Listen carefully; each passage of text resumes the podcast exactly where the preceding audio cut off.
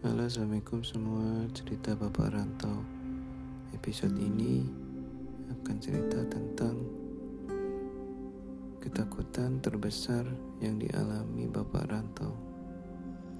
Ya, kadang suatu waktu atau suatu malam kita kadang merasakan sendirian, merasakan kesepian. Tidak hanya jauh dari keluarga, tapi kita akan merasakan rindu untuk ngobrol, nongkrong bareng teman dan sahabat yang mungkin dulu di lingkungan yang lama mereka akan selalu ada. Ketika kita hidup di perantauan, kita akan merasakan jauh dari teman-teman kita, sahabat-sahabat kita.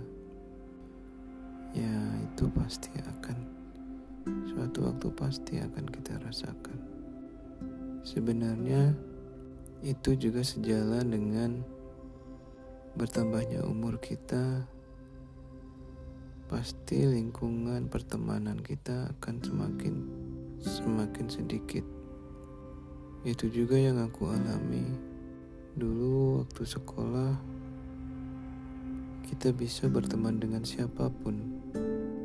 Tapi semakin ke sini, semakin lama, semakin kita bertambah umur, apalagi kita sudah berkeluarga, sudah punya anak, kita akan menemukan teman-teman yang memang benar-benar dekat Mungkin kalau aku sendiri mungkin hanya ada empat atau lima teman gitu yang masih selalu kontak, saling berkabar. Tapi ketika kita memutuskan untuk merantau, hal itu akan semakin terasa lebih jauh. Apalagi dengan kesibukan masing-masing. Dan sebagai seorang yang introvert gak mudah di lingkungan baru ini. Kita bisa mendapatkan seorang teman ataupun sahabat baru. Ya tapi itulah resiko dari sebuah keputusan. Kita harus siap menghadapi ketakutan itu.